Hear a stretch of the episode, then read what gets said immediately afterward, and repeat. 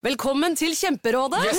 Denne gangen har vi fått inn et kjempedilemma fra en familie. Okay. Jeg leser Hei, vi er litt uenige i familien her. Mm. Hvis du skulle vært et dyr, ville du hatt gjeller eller vinger? Oi, den er tricky. Ja, hva ville dere hatt da? Altså, jeg vet ikke, men Med familierabatt får de ubegrenset data fra Telenor fra 399 kroner. Da kan de jo scrolle seg til svaret, rett og slett. Ja, ok, Men for min del Ja. gjelder. Nei, nei, Gjelder. nei, vinger. Nei, nei, gjelder. Ja, okay, ja, kjempebra. Men eh, se nye mobilabonnement på telenor.no, da.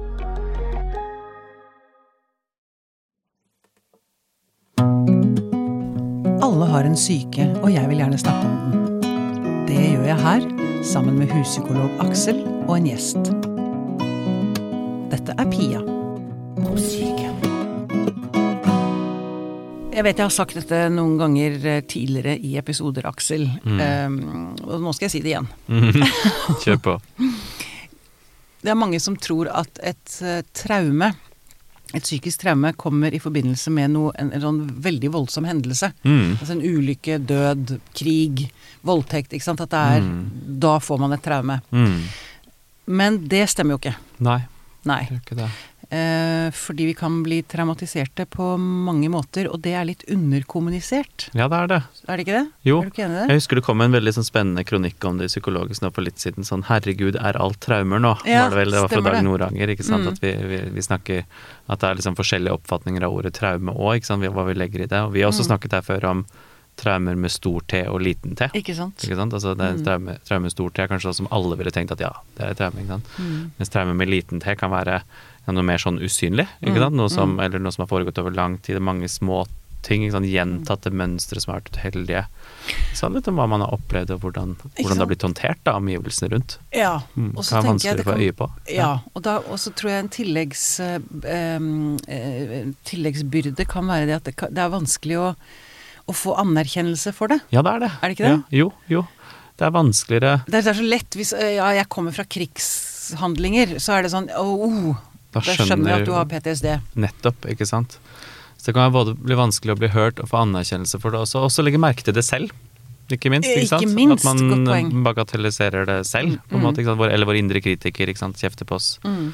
For at vi Hva, hva er det her vi greiene ikke her, liksom? Vi har jo ikke noe eller, mm. noe sånt. Mm, Mm. mm. Så hele denne episoden skal nå vies til usynlige traumer. Velkommen i studio, Hilde Egfoss. Tusen takk for det. Du har skrevet boken 'Usynlige traumer fanget av følelser'. Mm. Ja. Um, og du forteller veldig godt egentlig om disse altså, usynlige traumene som du selv har båret og jobbet mye med på Modum Bad. Ja. Mm. Um, og jeg må bare si her at jeg kjenner meg igjen i flere av beskrivelsene dine. Eh, og det var veldig fint, så tusen takk for det. Jeg har også lyst til å nevne nå innledningsvis at Modum Bad har gitt supergodkjent-stempel på boka di. Mm. ja. Det er jeg veldig stolt av. Ja, det skjønner jeg veldig godt. Det er viktig kunnskap å Ja, få ut. Den kommer etter hvert i nettbokhandelen til Modum Bad og sånn. Ja. Jeg er veldig, veldig, eh, veldig Gratulerer med det. Veldig bra. Um, uh, du har altså fått diagnosen kompleks PTSD. Og det jeg har lyst til å begynne med, er å høre litt eh, hva det er som rir deg, eller hva er det som har ridd deg? Altså, så det er sånn, Disse diagnosene er sånn kompleks PTSD. Ja, mm, det er litt sånn statisk for meg. Jeg, vet ikke hva det innebærer nødvendigvis. Og så har jeg lyst til å høre hvordan du opplevde det. Hva, hvordan er det, og hva, hva er det for deg å ha kompleks Per i dag, tenker du? Eller hvordan det var før, kanskje. Altså, Ja. Det kan du i og for seg avgjøre litt selv, da. Mhm. Ehm, som voksen så var jo eh, livet mitt prega av veldig mye depresjon. Mm. Eh, veldig tung depresjon. Det var det jo kanskje egentlig også i eh, ungdomstida. Um, og det som jeg har forstått etter at jeg fikk den riktige diagnosen, det er jo at uh, depresjonen var et symptom Mm. på en ubehandla PTSD. Mm. Eh, Det var ikke Så det hjalp ikke så mye å fokusere på å prøve å behandle depresjonen. Mm. Hvis ikke man fikk tak i den egentlige årsaken under. Nei, for de skjønte ikke at det var noe mer enn bare depresjon som var Nei, problemet. Mm. Eh, og da ble det mye kognitiv terapi. Ja. Og det virka ikke så bra. Det gjorde kanskje vondt verre. Ja, det blir det. Og så i kombinasjon med at jeg ikke tålte medisiner mot depresjon, Ja. antidepressiva, så jeg ble ubehandla for depresjonen også. Så eh, ble det jo litt dobbelt opp på en måte, da. En periode. Ja. Men ok, tung depresjon. Er det, var det andre, er det andre følelser du husker? Altså, så vidt jeg Når jeg har lest boka di, det var jo også mye eh, frykt, skrekk, eh, det man kaller angst, kanskje. Ehm, og en, eh, altså et problem med å rett og slett være helt til stede i livet. Mm. Eh, og det er sånn jeg kan forstå og se nå. Ah. Men når jeg sto oppi det og ikke visste hva det var, eller hva det handla om, eller hva det skapte av reaksjoner i kroppen min, så ble jeg bare tatt av det. Eh, Kan, når du sier det, kan du mm. beskrive hva det er? Det jeg er ute etter her, er at andre som sitter og lytter, kan kjenne seg igjen i det. mhm. For å Altså, bli forstått. At de også Ubehaget var jo uh, my, veldig mye uro, Ja. og en veldig stor grad utrygghet, da. Eller redsel, som da eh, frykt egentlig er.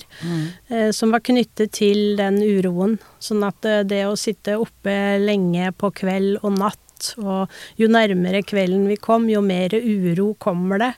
Og det å sove borte var kjempevanskelig. Altså som voksen å skulle overnatte på en campinghytte eller hotell aleine, det var helt forferdelig vanskelig. Eh, og så blir en voldsomt mye skam, da. Fordi at uh, jeg prøver hele tiden å ta meg sammen. Prøver å passe inn i den malen av å være en, hva skal vi si, gåseøyne, normal voksen, da. Og så får man en ekstra Man driver og pisker seg selv fordi 'dette Ja. burde jeg klare, for alle andre Yes. klarer det'. Akkurat. Mm. Litt meningsløse lille mehe. Ikke Kan jeg sant? si til meg selv. Jeg sier ikke det til deg. Det var såpass spesifikt at jeg kunne gjette meg frem til det.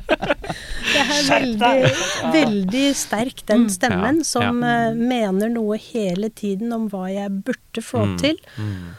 Og pisker og pisker for å få det til. Og så jo mer jeg blir piska av meg sjøl, jo mer opplever jeg å ikke, ikke klare det. Ikke nå det målet som den stemmen vil at jeg skal nå. Og får bare erfaringer i at eh, alt ved meg er feil. Alt jeg gjør blir til grøt, for å si det sånn. Eh, og jeg som menneske bare er feil, liksom. Sånn stempel i panna. Feilvare, liksom.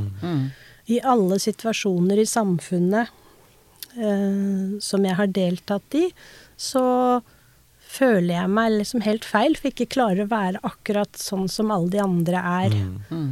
Eh, og det er klart, det å, å leve med en sånn et sånt eh, hva skal vi si verdensbildet eller sånn, det er krevende over tid, da. Mm. Det sliter veldig på. Absolutt. Det er både nedbrytende og så det er at liksom det plutselig bare kommer og tar Du sa jo det tar meg bare, eller det tok meg bare. Ja. Mm. Ja, Det, er liksom, det er så vanskelig på en måte hvis man ikke og En ting er jo å føle noe, ikke sant? Altså liksom at det, noe skjer, jeg føler noe i reaksjon, men at noe bare, det bare kommer, og så klarer, da er det ikke noe retning i det, på en måte.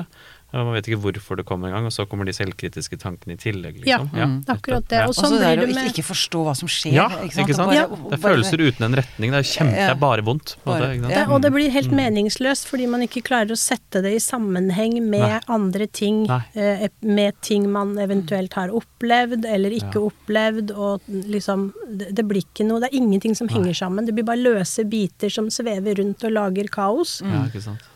Ja. Eh, og det der med følelsene også. Eh, det kan bli veldig Siden det er reguleringsproblematikk det handler om i mye i den her eh, komplekse PTSD-en, så er det jo det der å kunne klare å styre følelsene sine. Og det er jo f.eks. å klare å jobbe med den skammen på riktig måte, da. For at den skal bli mindre istedenfor at den skal bli større. Og det der med sinne f.eks. er jo også eh, veldig voldsomt sinne, fordi det er, det er helt uregulert. Og det er eh, veldig voldsomt. Det Ja. går fra liksom null til 100 på skalaen i løpet av et sekund, Sekunder. liksom. Man har ikke noe å gå på, ikke noe å stå imot med, og så bare skamme seg etterpå isteden. Ok, da har jeg lyst til å prøve å nøste litt bakover til hva det var som skjedde. Eh, hva traumene dine Hvordan du vil beskrive dine egne traumer. Vi skal snakke om, om det rent sånn faglig etterpå, men nå har jeg lyst til å få, få lite, en følelse av hvordan det var for deg å vokse opp, da. Altså hva, hva, hva var det som skjedde som gjorde at dette Til at du utviklet at det ble traumatisk. Kan du si noe om det? Jeg skal Ja, det er nok, eh, det er nok flere ting, men sånn generelt så har jeg i hvert fall en forståelse nå, når jeg har lært om det, at uh, i forhold til uh, utvikling av trygghet, altså trygghetssirkelen, og hvordan foreldre på best mulig vis skal oppdra barna sine i forhold til både utforskning og tilknytning skal bli stimulert da, gjennom trygghetssirkelen, så ser jeg selv tilbake og tenker at eh, jeg har fått altfor mye nede på sirkelen. Jeg har fått altfor sterk tilknytning. Jeg opplevde å bli liksom nærmest og holdt fast av bekymring, ja. fordi mora mi var bekymra for alt hele tiden. Overbeskytta, er kanskje riktig Ja. ordet. Ja. Eh, og altfor lite støtte øvre del av sirkelen med å få lov til å slippe taket som forelder, og la barnet få lov å komme ut og, og prøve nye ting, da. Ja. Utforske verden. Det er trygt å forlate meg, på en måte. Det er trygt å gå ut. Du kan stole på Ja. deg selv. Du Ja. lære. Mm. Så det ble nok eh, litt for lite av det. Ja. Eh, sånn at jeg opplevde å være redd hele tiden når jeg ikke var sammen med mammaen min. Ja. Fordi at eh, det var Alt var jo skummelt når ikke hun var der. Mm. For jeg hadde ikke lært at det gikk bra. Mm. Mm. Du, du forteller om noen, noen episoder eh, i boka di eh, fra da du var liten. Eh, kan, kan du fortelle en av dem? Som du tenker er liksom Som beskriver traumet ditt da, best, på en eller annen måte, hvis du skjønner hva jeg mener? Altså male et bilde for oss, sånn at vi får en, en følelse av Mm. hva du sto i. Ja. Altså mm, Det her er jo ikke noe Det er ikke noe dramatisk. Eh, det Nei, er ikke noen det er ikke sant, dramatiske episoder. jeg kjenner igjen. Det er, det er ikke så farlig med meg. Eller det er ikke, det er ikke sånn, det var ikke så Det er mange som har opplevd mye mer dramatiske ting. Ja, men, eh, Men så jeg ja, har bare lyst til å validere er- at det, Ikke sant? det, Det det som det var er- dramatisk for det lille barnet. Ja, for det er snakk om gjentagelse over tid. Det er det som er belastningen, ikke en hendelse eller en type hendelse. Um, men det var jo da um, for eksempel den historien med katten, da. Den tror jeg er med i boka. Mm, det er den. Den har jeg lest. Ja. Mm. Um, da, det var før jeg begynte på skole. Da hadde jeg tre eldre søsken som var på skolen, og jeg og mamma var hjemme. Så skulle vi eh, dra Da var det Fornebu som var den store flyplassen i Oslo. Da skulle vi reise til flyplassen, og vi skulle møte pappa, som egentlig var på jobb. Jeg aner jo ikke, jeg husker ikke hva de skulle for noe der, men vi skulle møte han der, og vi skulle kjøpe is og se på flyene. For det, dem som har vært på Fornebu, vet det var sånne svære vinduer ut mot Jeg eh, husker det. Jeg husker det. eh, er stas flyplassen. å stå der. så man kunne stå der og se på flyene. Så det skulle vi, og jeg gleda meg vilt til dette her. Jeg tror kanskje jeg var fire år, eh, siden jeg husker det så godt, da. Så hadde vi en katt, og den eh, var jo en vanlig huskatt. Den var jo snill og grei, og var jo ute og inne og litt forskjellig. Og så skulle mamma da gå og kle på seg og gjøre seg i stand til vi skulle dra. Så fikk jeg beskjed om å vente nede i første etasje mens hun gikk opp, da. Og da tok det veldig lang tid, da, så jeg ble litt utålmodig. Og så åpner jeg døra, og da hadde vi en sånn eh, gang eh, imellom første og andre etasjen, hvor man kunne gå åpent ned i kjelleren eller opp på loftet. Og så ropte jeg da for å høre om hun var ferdig snart, da. Eh, ja, jeg måtte vente litt til, fikk jeg beskjed om da. Så da satt jeg meg i trappa, og så sto jo døra oppe, da. Eh, fra trappa inn på kjøkkenet. Så satt jeg nå der og venta, da. Og så til slutt så kom han ned, da var hun ferdig, da. Da skulle vi dra. Men da var hun avhengig av at vi fikk tak i katten før vi skulle dra. Jeg vet ikke den dag i dag hvorfor det var viktig, at den skulle komme inn før vi skulle dra bort, men det måtte den da. Så vi lette, vi fant ikke katten, vi lette overalt. Ehm, Jeg hadde jo fått beskjed om at jeg ikke skulle slippe den ut, da. Men eh, da trodde hun at jeg hadde sluppet ut den, så hun ble kjempesint på meg, og vi gikk ut og lette i hagen og lokka på den, og katten kom ikke. Og så fikk jeg masse kjeft, da. For det hjalp ikke at jeg sa at jeg ikke hadde verken sett katten eller sluppet den ut eller inn eller noen ting. Eh, det måtte jo være sånn. Så hun bestemte hvordan sannheten var, eh, og så var det sånn. Og hun var kjempesint. Og det endte med at da kunne ikke vi reise på den turen. Så da ble vi hjemme isteden, og jeg ble jo veldig skuffa og skjønte at her hadde jeg jo gjort et eller annet som var veldig feil, uten at jeg skjønte hva jeg hadde gjort feil, da. Bare at mamma var kjempemisfornøyd, og at jeg fikk uh, en ordentlig straff, da, ved at vi ikke dro på den turen.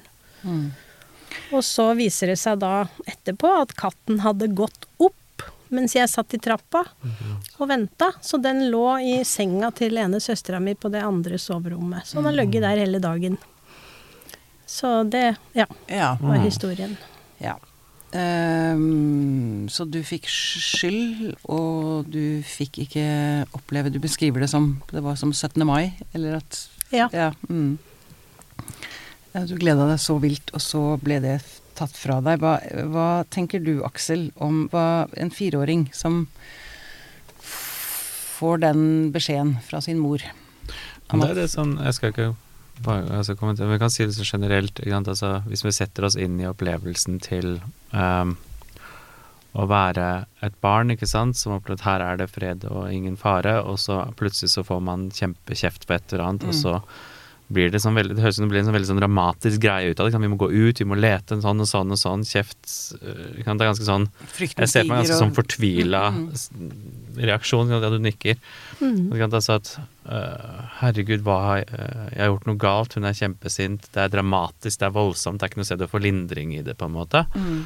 Uh, og, og der er det noe sånn veldig sånn viktig som er med i dette. Ikke sant? Det er at vi Greit nok, ikke sant? Vi, blir jo, vi blir jo født inn i verden med et nervesystem og et temperament og sensitivitet. Det blir vi jo. Ikke sant? Vi, vi reagerer forskjellig på verden. Men så lærer vi oss allikevel Vi har ikke lært følelsene våre når vi blir, eh, når vi blir født. Det, det lærer vi våre første år. Og hvordan lærer vi følelsene våre? Vi lærer oss ut ifra hvordan andre responderer på følelsene våre. Ja.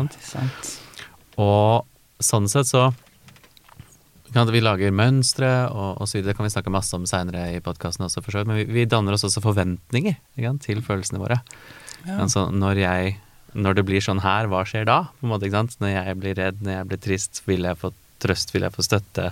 Når de blir sinte, vil det gå over eller ikke? Vil vi reparere eller ikke? Kan det bli, greit igjen hvis mamma er sint på meg eller pappa er sint på meg? Ikke sant? Så Og det, er sånn, det tenker man jo ikke som fireåring. Nei, man bare lærer det, Man, man, Det er ja, assosiasjoner. Ja, sant. Altså, sånn vokser vi opp med masse forventninger knyttet til følelseslivet vårt, ikke sant? Altså, som, som er Som jeg tenker, det er læring, Mm. ikke sant? Altså, det er eh, Og så kan jeg si en sånn veldig viktig ting som ligger som bakteppe for hele samtalen vår i dag, sikkert, ikke sant? Det er at følelser er veldig, veldig knyttet til hukommelse.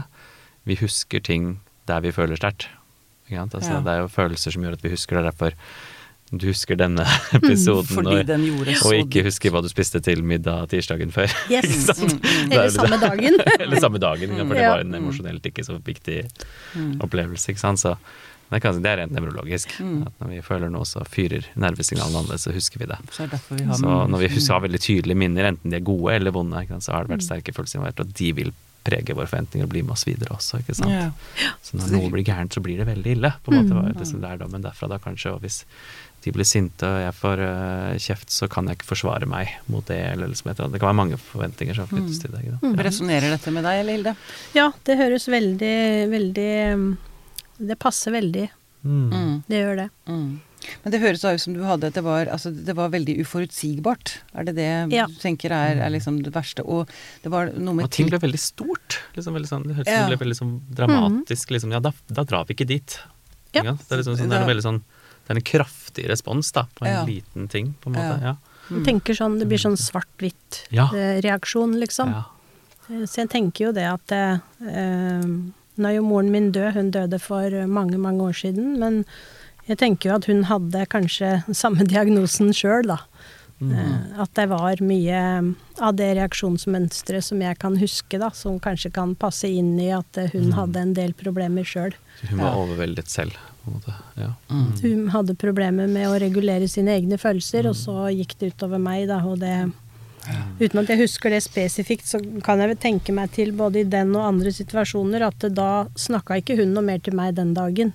Så da blir det å gå og kjenne på det hele dagen, egentlig. At eh, nå får du bare ordne deg sjøl, og så driver hun med sitt til hun får roe seg Ja, ned med sitt eget, da. Ja. Ikke sant? Så det blir ikke noe samregulering eller noe sånt, da. Men dere må hjelpe meg å få jeg, jeg har hørt dette uttrykket å regulere følelsene. Man, som barn så trenger man hjelp til å regulere følelsene sine av voksne. Mm. Men jeg har ennå ikke fått helt grep om hva det vil si. Mm. Hva er det å regulere Å få, hjelp til å regulere følelsene? Hilde? Um, da tenker jeg jo at barnet må få erfare at uh, andre mennesker tåler meg når jeg Ja. får sterke følelser også, og når jeg får ubehagelige følelser, ikke bare behagelige følelser. Uh, vi har jo flere ubehagelige følelser enn vi har behagelige, sånn at vi har det jo dårligere mer av tida enn vi har det bra, for å si det sånn, totalt sett. Og, og det også bli tålt når man har, kjenner på et ubehag, eh, det er viktig. For samfunnet som sådan opplever jeg er veldig ivrige til å at vi bare skal gå rundt og smile og være lykkelige, og ikke vise så veldig når vi har disse føl ubehagelige følelsene, da. Mm, men ja, tilbake til regulering. Jeg, jeg, jeg setter selvfølgelig det du forteller, setter jeg inn i min egen historie. Mm. Uh, jeg kjenner, kjenner jo igjen uh, ting. Ehm, men det det, det det betyr, er altså hvis man ikke får bli regulert, så går man og bærer på alt selv. Er det det som skjer, Aksel? Altså, Ja, altså, altså at, man, jeg, at ikke man blir tålt, si det betyr at man Jeg tør ikke å gå og fortelle noen at jeg er lei meg, eller at jeg er sint. Altså én ting For eksempel, ja. ikke sant? Altså, Vi fikk ikke lov til å være sinte, for eksempel, da jeg var liten. Barn skulle ses og ikke høres. ikke sant? Hvis, vi- hvis vi starter Jeg har lyst til å starte et litt sånn annet sted, hvis det er greit. Altså, at- Vær så god. Jeg er veldig glad i å starte andre steder. at vi, vi har jo alle en eller annen viss evne. Vi driver jo konstant med å regulere ned og regulerer opp våre egne følelser. Vi gjør begge deler. Gjør vi det? Hvordan, Hvordan regulerer regulerer, vi, altså, hvordan Eh. regulerer vi følelser opp og ned? Vi sier 'nei, dette får jeg ikke lov til å føle'. Ja, nei, altså inni oss selv, ikke Ja. sant. Så liksom, hvis vi har en skikkelig vond følelse, så prøver vi å regulere den, kan vi prøve å regulere den bort, for eksempel. Ikke? Vi Mm. kan stramme, vi kan gjøre det på mange måter. Vi kan, det kan være gjennom indre dialog, det kan være gjennom puste. Slutte å puste. Eller, Eller, eller ja, slutte å puste, mm, stramme mm, muskler. Det kan være masse vi driver med, ikke sant. mm. Og det er å regulere følelser, ja. Ja, så Det er jo egentlig altså opp og ned volumknapp. Opp og ned, på en måte. Ja. ikke sant? Men hvilken grad og evne vi har til å gjøre det, er igjen avhengig av hvilke erfaringer vi har med våre følelser i relasjon til andre. En samregulering, da, som du snakket om. Er du, du er, med, du er enig, Hilde? Ja. Og, der, for eksempel, er nå- litt tilbake til jeg snakket om forventninger, da. Et barn som er redd, et spedbarn eller la oss si en toåring som er redd, kan ikke enda regulere sin egen frykt. De, mens en voksen som er redd, som har opplevd mange ganger at når jeg er redd, så går det greit. Ja. Men jeg klarer det. Mm. Eller det går over. Noen vil hjelpe meg. Det vil gå i orden.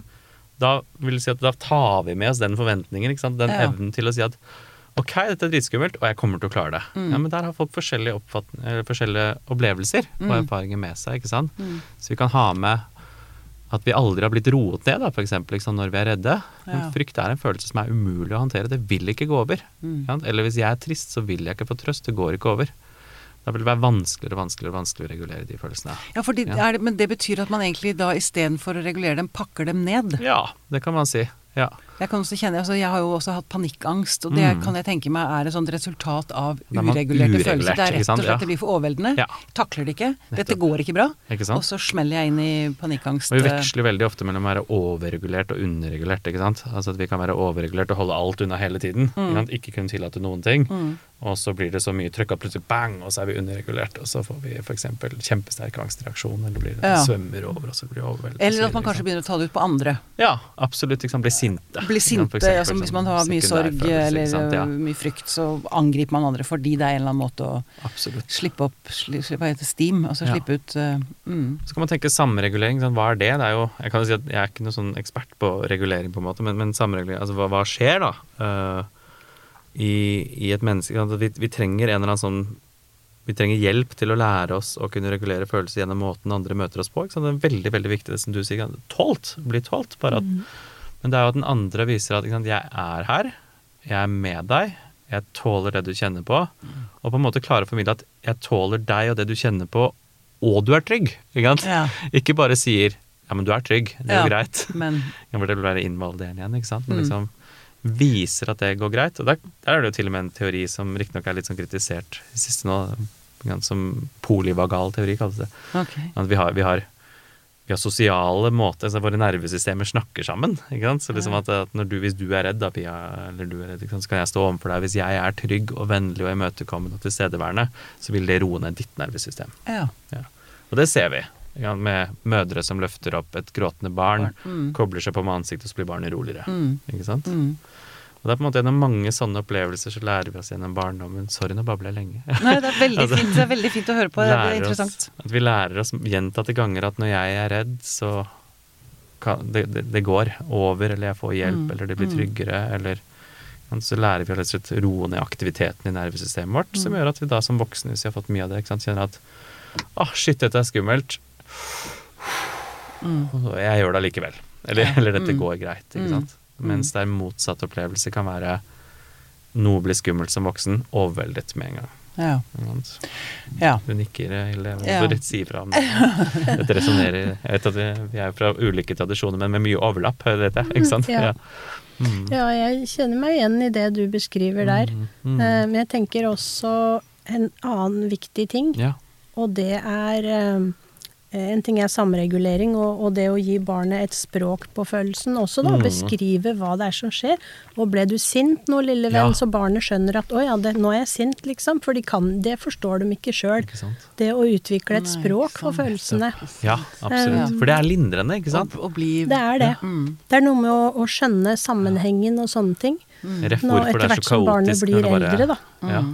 Eh, Men det er også en annen ting, og det er det her med å sortere mitt og ditt. ja. Eh, Det blir jo litt eldre barn, men altså sånn som den episoden jeg fortalte om med katten, og da var jeg kanskje fire år, men allikevel å ha en voksen da som kunne snakke med meg om hva som skjedde, Mm. ta ansvar for at eh, å holde orden på katten var den voksne sitt ansvar.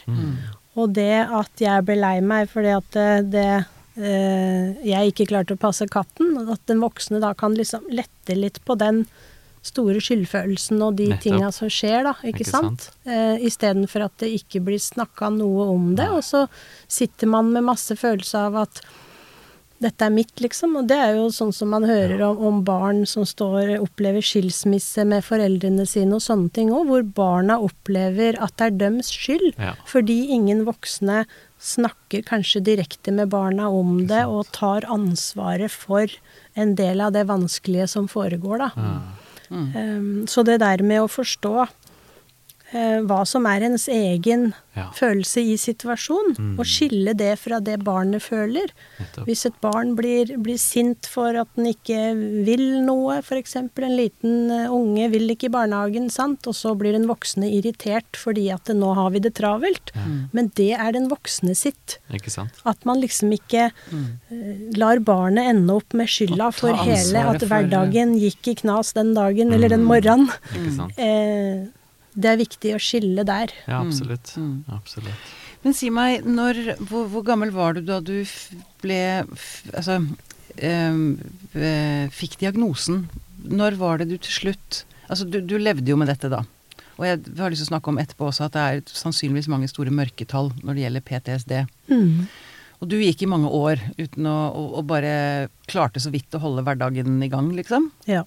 Og så kom du til et punkt hvor du søkte deg inn til Modum Bad. Ja. Hva var det som gjorde at du altså til, endte opp med å tenke at vet du hva, ja, nå må jeg ha hjelp. For det, det er jo så klassisk dette med at ja, men det er ikke så farlig med meg. Mm. Eh, og så legger man det vekk, og så tenker man eh, nei, det er ingen som kan hjelpe meg, dette er ikke noe stort, og bla, bla, bla. Ikke sant. Det Hva det er det jo der jeg var veldig lenge. Prøver å bagatellisere hele Mm, tiden. mm. Eh, prøver å passe inn. Og så kom jeg jo til et punkt hvor det ikke Det var liksom enden av veien. Jeg Hva var det som skjedde da, da? Nei, jeg opplevde jo at depresjonen ble en sånn nedadgående spiral. Det ble bare tyngre og tyngre og tyngre og tyngre. Og jeg visste ikke mine armer òg hva jeg skulle gjøre for å eh, finne en annen løsning enn å avslutte livet, liksom. Fordi dette tok meg veldig hardt, altså. Eh, så Og da satte jeg meg ned og begynte å kikke på nettet for å se fins det noe. Er det noe hjelp å få noe sted? Mm. Jeg bor jo ute i distriktet, og det er ikke så veldig tett med tilbud eh, innen spesialisthelsetjenesten. Sånn at eh, det hadde liksom vært mange år med litt sånn glissent og mye skifta behandlere. Og det gjør jo ikke saken noe bedre. Nei. Så tenkte jeg på et eh, døgnopphold et sted eh, som ikke var en akuttavdeling. Om det var noen som kunne et eller annet som jeg kunne bruke for at jeg syns det var liksom Men tenkte du da at du var traumatisert? Eller tenkte Nei. du bare det var depresjon, du søkte på depresjon og, og liksom steder Jeg som kunne hjelpe? Jeg visste egentlig ikke hva jeg var for noe. Jeg tenkte bare at eh, eh, vannet steig og steig, liksom, og hadde stort sett bare nesa over. Og jeg måtte bare lete etter noe som kunne gi meg noe. Mm. Og så fant jeg tilfeldig Modum Bad sin nettside på, på nettet, da. Mm. Eh, Og fant ut at oi, det der hørtes jo ut som det kanskje kunne være noe. For da kjente jeg meg igjen litt Altså, en del av det de skriver på de forskjellige avdelingene der, om hva de jobber med og sånne ting, det ga liksom gjenklang i meg. Plutselig var det noen som snakka om det samme som jeg opplevde. Ja, ikke sant. Det var ikke sånn at eh, behandleren snakka gresk og jeg snakka norsk, liksom. Plutselig var det noen som liksom så meg. Eh, og da tenkte jeg yes, dette må vi prøve.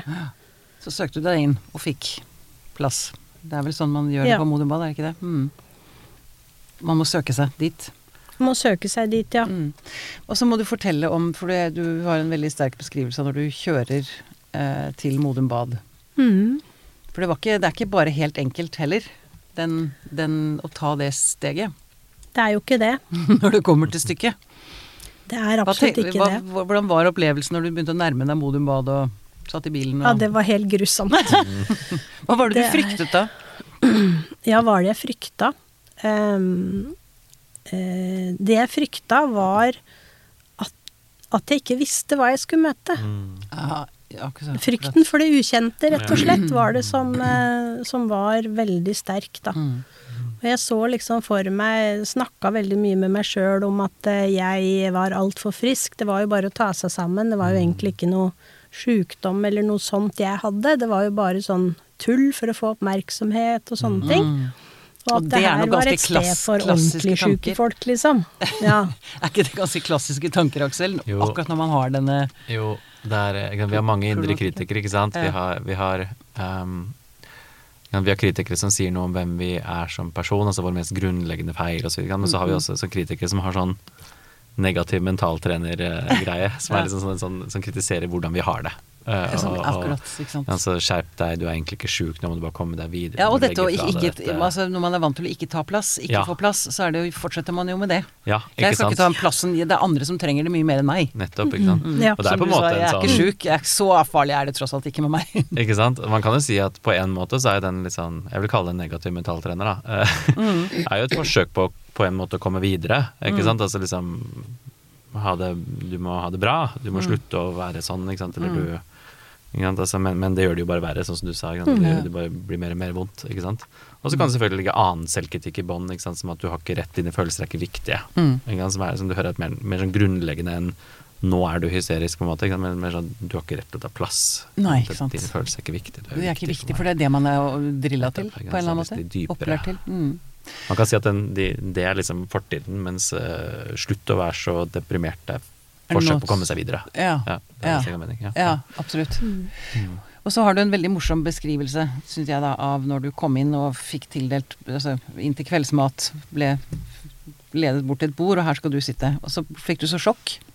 Ja, det gjorde jeg rett og slett. Jeg vet ikke riktig hva jeg hadde forventa, men jeg har vel sett noen filmer på TV fra sånn der type Gjøkeredet og sånn. Hvor Man liksom ser tvangstrøyer overalt og fråder rundt munnen og sånn, og så kommer liksom jeg bare inn i en sånn svær Det var, er jo bare så nydelig på Modum Bad. Det er så fint der, både utvendig og innvendig. Svær, flott spisesal med vinduer over hele veggen, vet du, og en kjempefin lysekrone. Ser ut mot skog og Ja, mark ja, ja. og mm. Veldig, veldig pent og koselig inne der. Og så blir jeg bare fulgt inn i spisesalen, da, og jeg var helt Jeg var så nervøs at jeg klarte ikke å gå omtrent. Og så kom jeg inn der, og der var det omtrent som å komme på et sånn eh, hotell på en eller annen konferanse eller noe. Det satt folk rundt masse bord og prata ivrig sammen og spiste mat og, Og så så de helt normale ut. og så så de helt normale ut. Og de oppførte seg helt normalt også. Og det er sjokket. Det var veldig rart. Og den, liksom, den erkjennelsen av at eh, oi, kanskje jeg faktisk passer inn her, da. Kanskje det er andre som også har usynlige traumer, Ja, rett og slett. som, ikke, som man ikke ser. Mm. Verken selv eller andre kan se, egentlig. Mm. Hvor lenge var du der? Jeg var der i tre måneder. Eller først var det utredningsopphold i fire dager, og så blir man da bestemt om man får plass, og da er det var det tre måneder på den avdelingen jeg var, da. Depresjonsavdelingen. Ja. Ja. Og kan du si noe om Nå skal jeg ikke be deg avsløre altså, for mye, men kan du si noe om hva, hva dagene består hva er, det du, hva er det man gjør på et sånt opphold?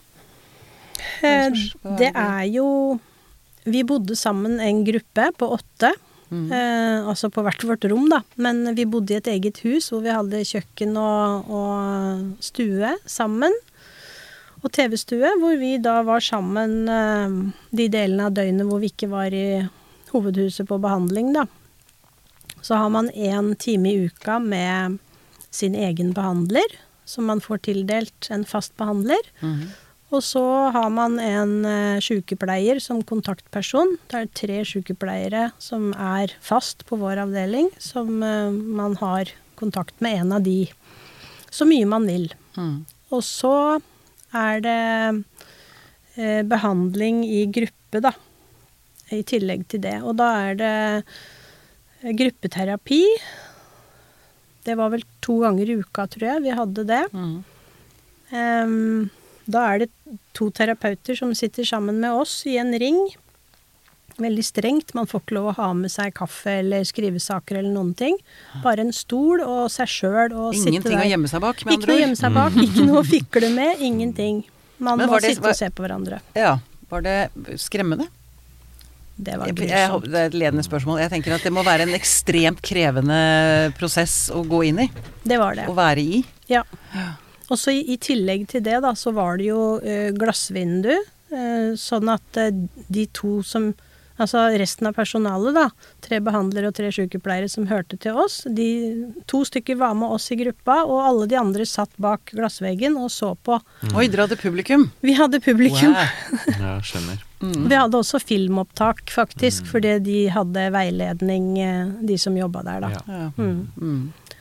Men det var, eh, det var veldig krevende å være med på det. Og så Jeg. Ja. For eh, jeg har lyst til å gå dit det, det var det, det, Grunnen til at jeg løfta det frem, er at um, jeg har et inntrykk av at noen kan tenke at det å gå i terapi, det er nesten som å liksom få bli sånn klappet Og det blir man jo, altså at man får omsorg, og det får man jo på en måte, men det er også fryktelig hardt arbeid. Ja, Det er noe med at man må våge å gå dit man ikke vil gå. Absolutt. Det er jo, altså det er jo en, på mange måter en helt grotesk prosess. det er veldig skremmende og skummelt. Det. Så det er viktig å få å si det, da. Syns jeg. Men så er det noe med at man kommer ut på andre siden. Mm. Og da har jeg lyst til å sende det videre til deg, Hilde. For hva, hva kom du ut på andre siden med? Eh, Hva gjorde denne prosessen med deg? ja. Det viktigste den gjorde, var vel eh, å få meg, i hvert fall til en viss grad, da, til å begynne med, eh, ut av offerrollen. Å Og litt mer over liksom i førersetet i bilen, da. Mhm. At det, det var jeg som måtte ta tak. Det var jeg som måtte ville. Altså alt på Modum er jo frivillig. Det er ikke noe tvangsinnleggelser der, for å si det sånn. Mm. Ehm, så man må jo Du snakker om at det, det er en fæl prosess man må gå inn i og gå gjennom for å få til noe bedre. Men man må jo ville det sjøl, da. Det kommer ingen eh, verken og truer deg eller og sier 'jo da, eh, dette må du, vet du, kom igjen nå'. Mm. Det er opp til deg. Eh, Så man må ha egen motivasjon. Og det så vet jeg Modum Bad er veldig opptatt av, at man er motivert. Ja.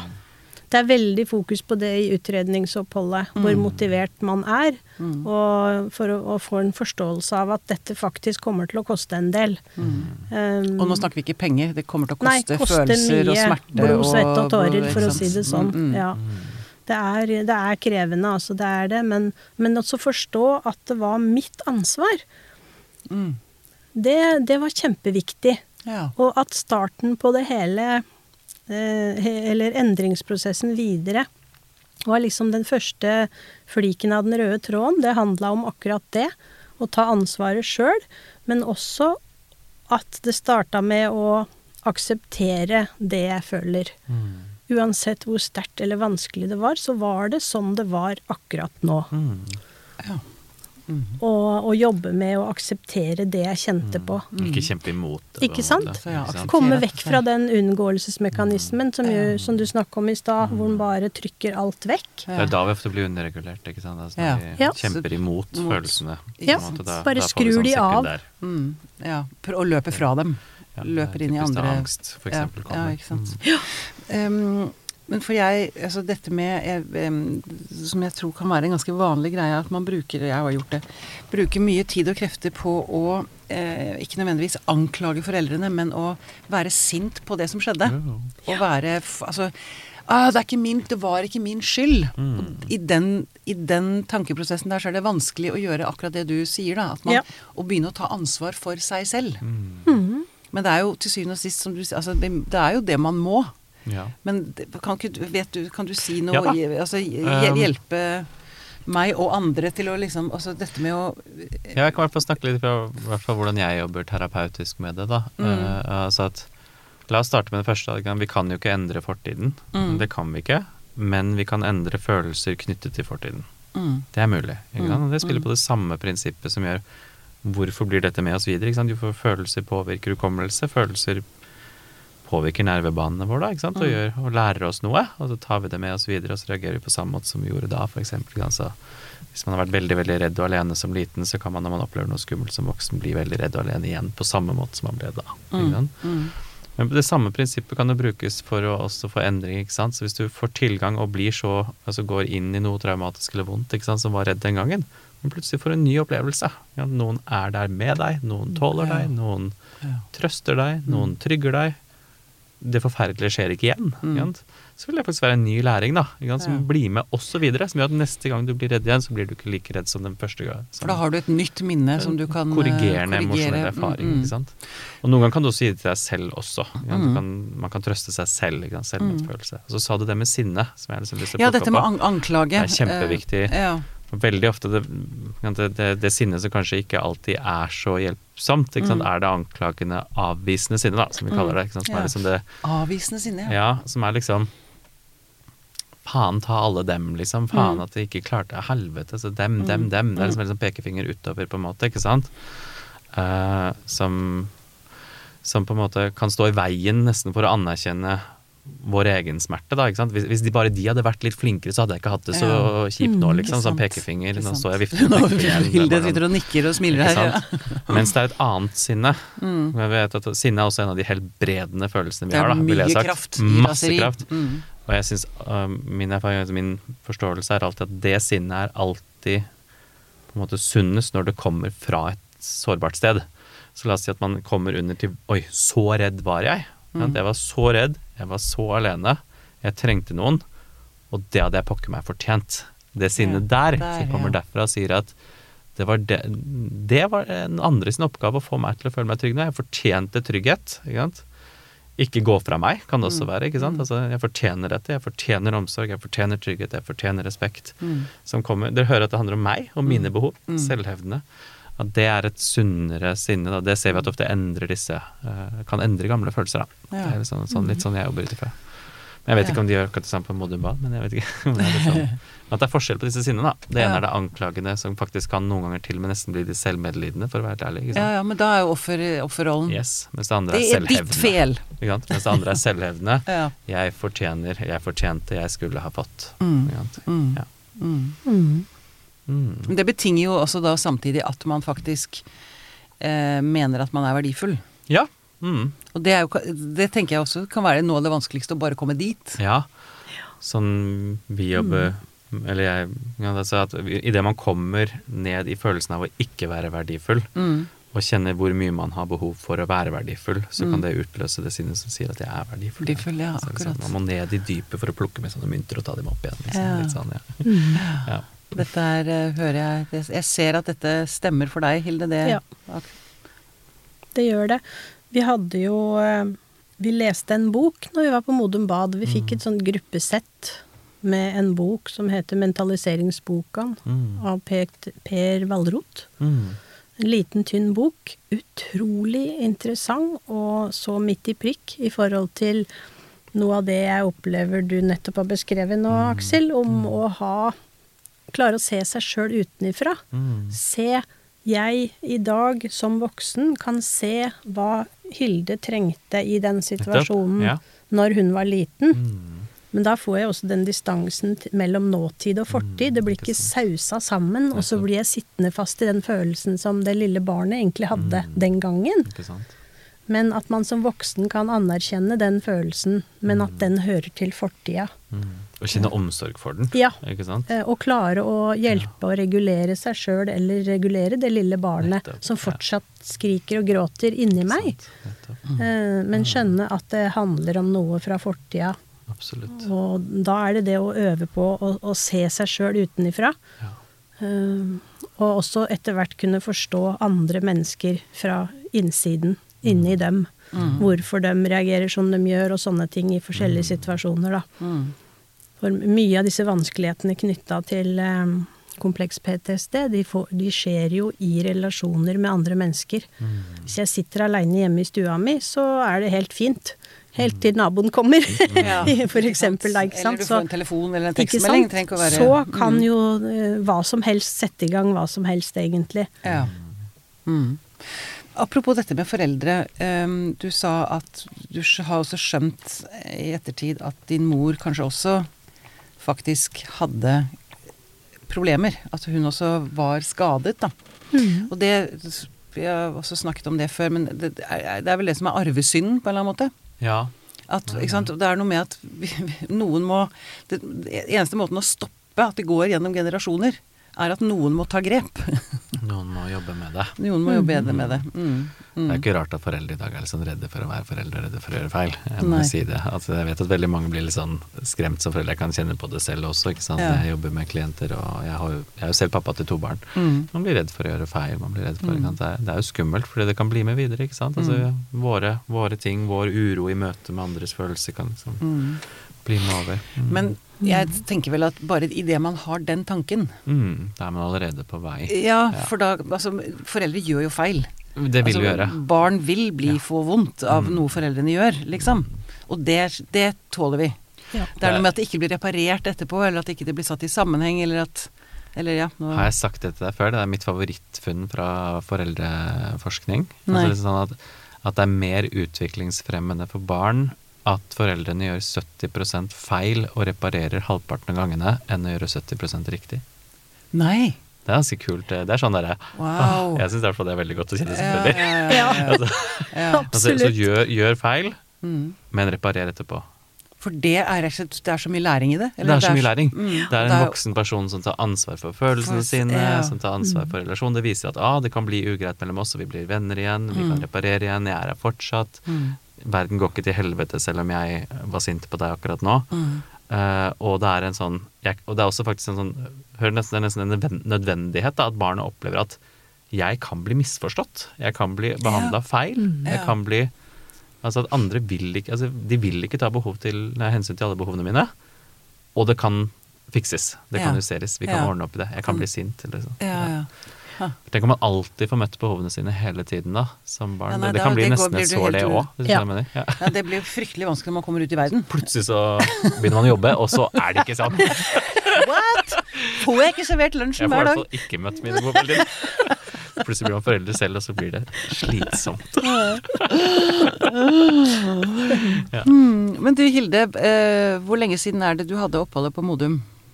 Em, jeg var ferdig der i mars 2016. Ja, så det er noen år siden. Ja. Hva er de viktigste verktøyene du har fått med deg derfra? Og, og tenker du at i dag altså, er det, Jobber du mye med deg selv fortsatt? Tenker du at du er kommet på et bedre sted? Jeg jobber veldig mye med meg sjøl fremdeles. Ja, på hvilken Eh. måte? Og hvilke verktøy? Eh, Nå har jeg eh, begynt å fordype meg i mindfulness siste Ja. året. Jeg skal, eh, driver og tar utdanning til eh, instruktør i mindfulness. Ja. Og den prosessen gjennom 14 måneder, som snart er avslutta, eh, det har vært en prosess med eh, veldig mye utvikling og videre utfordringer av meg sjøl. Men hva, hva, gir, hva er mindfulnessen gir deg? Hva, hva opplever du gjennom den? Det gir meg vel eh, mye av det samme som vi snakka om i stad. Det, dette som jeg egentlig lærte på Modum Bad, å være ansvarlig og akseptere det jeg faktisk føler. Ja. Um, og se meg sjøl, klare å se meg sjøl utenifra og se det jeg føler, eh, det jeg registrerer innvendig, se det i en større sammenheng, da. Mm. Eh, Sånn at jeg forstår mer av meg sjøl, og da blir jeg jo får jeg mer trygghet, også i de følelsesreaksjonene jeg opplever, da. Mm. Um, og kan klare å regulere Jeg kan ta et eksempel, eller? ja, veldig gjerne. Um, jeg har også siste året uh, vært på uh, Vært ukependler og jobba som erfaringskonsulent uh, langt unna der jeg bor. Så em, i fjor Jeg hadde jo, som jeg sa tidligere, store problemer med å overnatte borte og sånt nå, før jeg fikk riktig behandling, da. Um, så jeg kom ned en, en søndag kveld da, til hybelen min. Skulle ut på tur med hunden. Uh, og så tenkte jeg nei, nå skal jeg prøve å utfordre meg litt. Da begynte det å bli mørkt, da. Skulle jeg gå en sånn skogssti, da. Um, Istedenfor å gå der det var opplyst, liksom. Det var jo ikke helt mørkt, da. Så gikk jeg bortover, og så begynte det å bli mørkt. Og det var, kjentes helt greit ut, liksom. Jeg har ikke vært noe sånn veldig mørkeredd nå i det senere. Men jeg gikk nå der, og så etter hvert så kom den der Oi, hørte jeg noen nå? Begynte jeg å snu meg på stien der, og flere ganger skjedde det. Du begynte å kjenne frykt, Ja, steg? Ja, rett og slett. Mm, mm. Og så eh, så jeg noen skygger blant buskene, for denne stien går i jordkanten, da, sånn at Mm. en kan eh, se noen skygger i skogsne, skogen ved siden av. Mm. Og sånne ting, da. Og så eh, kom liksom den voksne Hilde inn og sa 'Hilde, hva er det du driver med nå? Nå er du på vei inn i frykten din'. Ja. Um, så ble jeg klar over det, da. Mm. At det var det som skjedde. Og da kunne jeg si til meg sjøl hva er det du trenger når du har det sånn? For det var det de sa på Modum hele tiden. Ja. Hva trenger du når du har det sånn? Det du kjenner akkurat nå. Og det er det man jobber med i mindfulness også. Og det jeg trengte, var da å koble på noe annet enn frykt. For å roe meg ned, så kobler jeg da på sansene mine. Og da tenkte jeg jeg kan ikke bruke synssansen, for den er kobla til frykten. At jeg ser troll i skogen. Jeg kan ikke bruke hørselssansen, for den hører jo noen bak meg hele tiden nå. Så jeg kan kanskje lukte. Og Ja, høstlukter i skogen, og jeg lukta og lukta på gjørme og blader ja, og blomster og sånn. styrte oppmerksomheten din mot Ja. duft, luk Ja. luktesansen. Og da smuldrer jo bare den eh, frykten helt bort, og så er det den voksne Hilde som går en tur, og så fornøyd med seg sjøl etterpå. Ja, det er veldig bra. Veldig bra. Eh, På, mot slutten her nå, så jeg- sa noe om at um, man regner med at det er veldig mange mørketall. Eller at det er mørketall. Veldig mange blir feil. Men rundt PTSD. Mhm. Hvorfor tror vi det? Hvorfor er det det, mange mørketall? Er det fordi folk ikke anerkjenner at de har At de tenker at jeg må bare ha det sånn? Ja, det tror jeg. Jeg tror ikke jeg er den eneste som har uh, brukt mange år på å tenke sånn, og prøve å leve sånn at eh, det er um, ikke noe man kan si høyt eller vise fram eller snakke om eller noen ting. Man er, det er jo noe med det, man er vant til å bære på alt selv, Ja, Ja. og så fortsetter man med det. Og, og det er jo sånn samfunnet er. Altså det å vise svakhet. Sånn evolusjonsmessig så er jo det et dårlig tegn. Eh, Det å vise svakhet er jo ikke noe som har fått eh, rasen til å overleve, for å si det sånn. Det er jo de sterkeste som overlever i naturen. Så det å vise svakhet eh, har jo liksom ikke vært noe, noe positivt. Og det tror jeg vi har dratt med oss eh, fremdeles. At det Å vise seg svak, det er ikke Nei, det er rett og slett ikke noe man vil i samfunnet, da. Da er man liksom feilvare. Jeg tror det er noen holdninger i samfunnet der. Ja, samtidig som Det er kanskje fordi jeg er prega av alle de samtalene jeg har hatt her i studio, men så er sant, det er jo noe med at det er jo der den største styrken ligger, Ja. på en eller annen måte. Altså sårbarheten, Ja, svakheten, nesten Ja. ja. er Så jeg, jeg, jeg skjønner hva du mener, Hilde, om at altså, jeg også kan kjenne på det at det liksom ikke er Jeg tenker faktisk også litt sånn det, altså det er bare for å liksom altså jeg, for jeg er helt enig nå at vi er, at vi er vi veger oss mot sårbare. altså Det, det, er, det, det er vanskelig å vise svakhet, og det er, det er vondt. Og det blir også noen ganger straffet. Kan vi kan bli straffet for det. Eh, absolutt. Det er ikke sant? Og så tenker jeg faktisk litt sånn evolusjonsmessig, liksom før vi hadde et språk, ikke sant, så var det å vise tristhet? Hva gjorde det? Det utløste støtte. Omsorg, trøst. Eller å vise at man var redd, kunne utløse at noen beskyttet oss. Altså liksom, at det kan gå liksom begge veier, eh, på en måte. Men, men helt klart at vi, vi bærer på veldig mye selv, for vi, vi liker ikke å være Det er kanskje en sånn holdning, en dogme liksom, i samfunnet. Vi skal være sterke, vi skal klare oss, vi skal håndtere ting sjøl, vi skal komme oss videre. Jeg, jeg har ikke tatt på mange, liksom, mange steder sånn Folk sier sånn at man må gi slipp og leve livet i fremtiden. Nei, leve livet fremover, ikke bakover, ikke for det.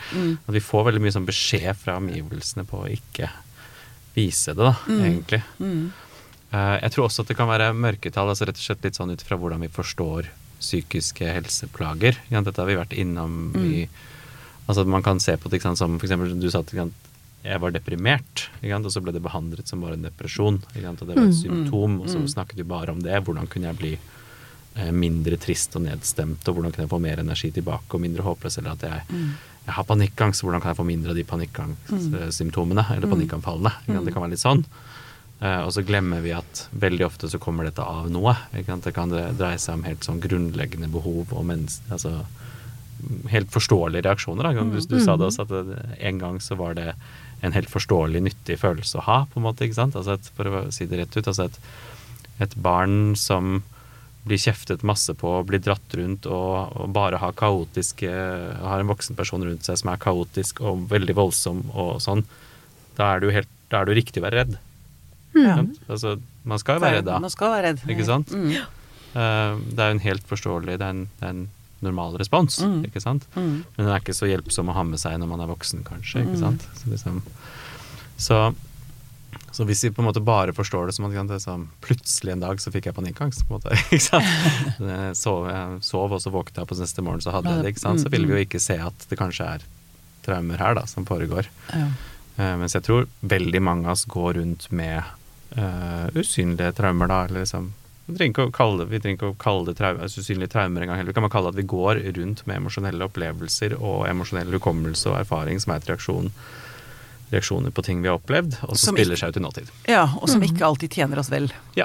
Det vil jeg si Rett og slett bein, spenne beina Ja, under er oss i enkelte ingen som er situasjoner. liksom som er helt- perfekt emosjonelt tilpasset verden, på en måte, ikke Nei. sant?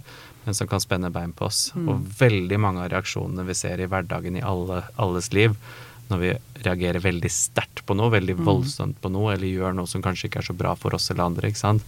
er jo fordi det en gang altså det er en emosjonell reaksjon, et mønster vi har. vi har, Ja. ikke sant. Og det er et veldig viktig poeng. Det har vi altså, alle. det, ja, men det er, veldig godt du sier det, at alle har en Ja, eller altså, annen følelse. klienter kommer til meg og sier sånn Aksel, jeg skulle ønske jeg kom fra en normal familie. Jeg har ikke møtt en eneste normal familie. Noensinne, liksom. Vi har alle noe greier. Jeg må bare si det. Det er noe å tenke på når man sitter og føler at man selv er eh, teit og et meningsløst mehe. Jeg har en god kollega som sier til meg, han sier Aksel, vi er alle fucka. Vi er alle fucka. det er very good. Og jeg har lyst til å jeg sitter og tenke på det, jeg vet jeg har trukket frem denne pilegrimsvandringen min veldig mange ganger, som jeg gikk eh, året etter at jeg ble tvangsinnlagt. Og det var så utrolig fint, for der var det så utrolig mye rare folk. Og det var så deilig. Det var sånn, å shit. Det er noe med å også se at andre Ja, jo flere som viser at de er rare og svake og har mm. problemer, jo tryggere blir det for alle. Ja. Det var egentlig dit jeg ville. Og når vi kommer liksom i når jeg møter mennesker, når vi kommer til hva det dypeste på en måte hva det handler om, så er vi ganske like, ass. Ja. Vi vil være trygge, og vi vil være respektert. Mm. Det er liksom vi Det er det vi handler om veldig ofte. Ja. Er det noe du har lyst til å legge til mot slutten, Hilde, som du føler at du ikke har fått sagt tydelig nok, eller? om du ikke har fått sagt i det hele tatt, for den saks skyld. Kan du ha det med å overstyre folk? Jeg, jeg tenker kanskje på en liten ting i forhold til dette med, med hva usynlige traumer er for noe. Eh, at én ting er det som, som du snakka om innledningsvis, men jeg tenker også at det eh, kan være ting som eh, er akseptabelt innafor samfunnets rammer. Ja. Eh, som man ikke, derfor ikke tenker på som et traume. Ah, Så hvis man blir sånn. slått, liksom, så eh, vil jo alle opp med fingeren og si 'sånn gjør vi ikke med barn', Ikke liksom. Nei. Men uh, hvis man opplever uh, f.eks. Sånn, som, sånn som jeg opplevde, å bli holdt fast i tannlegestolen, Ja. så er jo det helt innafor.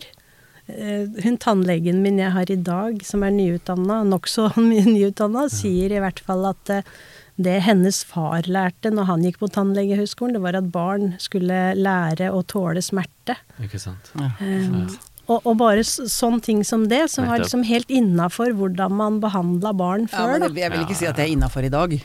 Det er absolutt ikke innafor. Det var jo ikke innafor da heller, men, men innafor den ramma uh, Ja. av hva samfunnet ser på som er traumer, da. Ja, ja, ikke sant? Som, ja, Som- Ja. Mm. Og sikkert også tilsvarende med typ sprøyter og medisinsk behandling også, ikke sant. Samme tradisjon der med å at barn var på sykehus uh, uten at foreldrene Alene, fikk være med, for Ja, eksempel. det- altså det er jo det er masse sånne ja. Eh, Sikkert eh, folk som har opplevd vanlig, mye? Ja. vanskeligheter rundt det, da. Ja. Jeg Så- vet jo at altså, For 50-60 år siden så mente man vel at barn knapt nok hadde følelser. Mm. Altså Man drev og opererte på barn uten anestesi. Mm. Oh, Ja, tenk ja. på det. Fordi barn ikke Altså det er jo helt Men det, altså, ja. Det, vi er heldigvis kommet et et eh, sjumilssteg videre derfra. Ja. Mm. Det får vi være takknemlige for. For Mhm. dagens barn. Men sånne ting kan også skape Ja. de samme reaksjonsmønstrene i, i det mennesket som opplever det. Mm. Eh, Det trenger ikke å være definert som et traume, på en måte. Altså. Ikke sant. Mm. Absolutt. Veldig bra. Tusen takk for at du kom til oss, Hilde Egfoss. Og er, jeg blir så glad for å høre at eh, det, altså det er noe med det, det håpet. Det, det finnes veier ut. Mm. Eller inn, eller hvordan man skal si det. Er, det finnes veier videre. Selv om man kan Det gjør det oppleve at det er håpløst, så finnes det faktisk hjelp å Mm. få. Det er hjelp å få. Ja, det er det. Tusen takk for at du kom. Takk for at jeg fikk komme.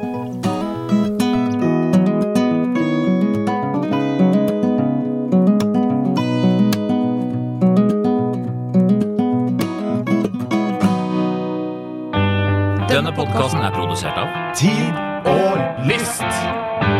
Med støtte fra stiftelsen Kåre Berg.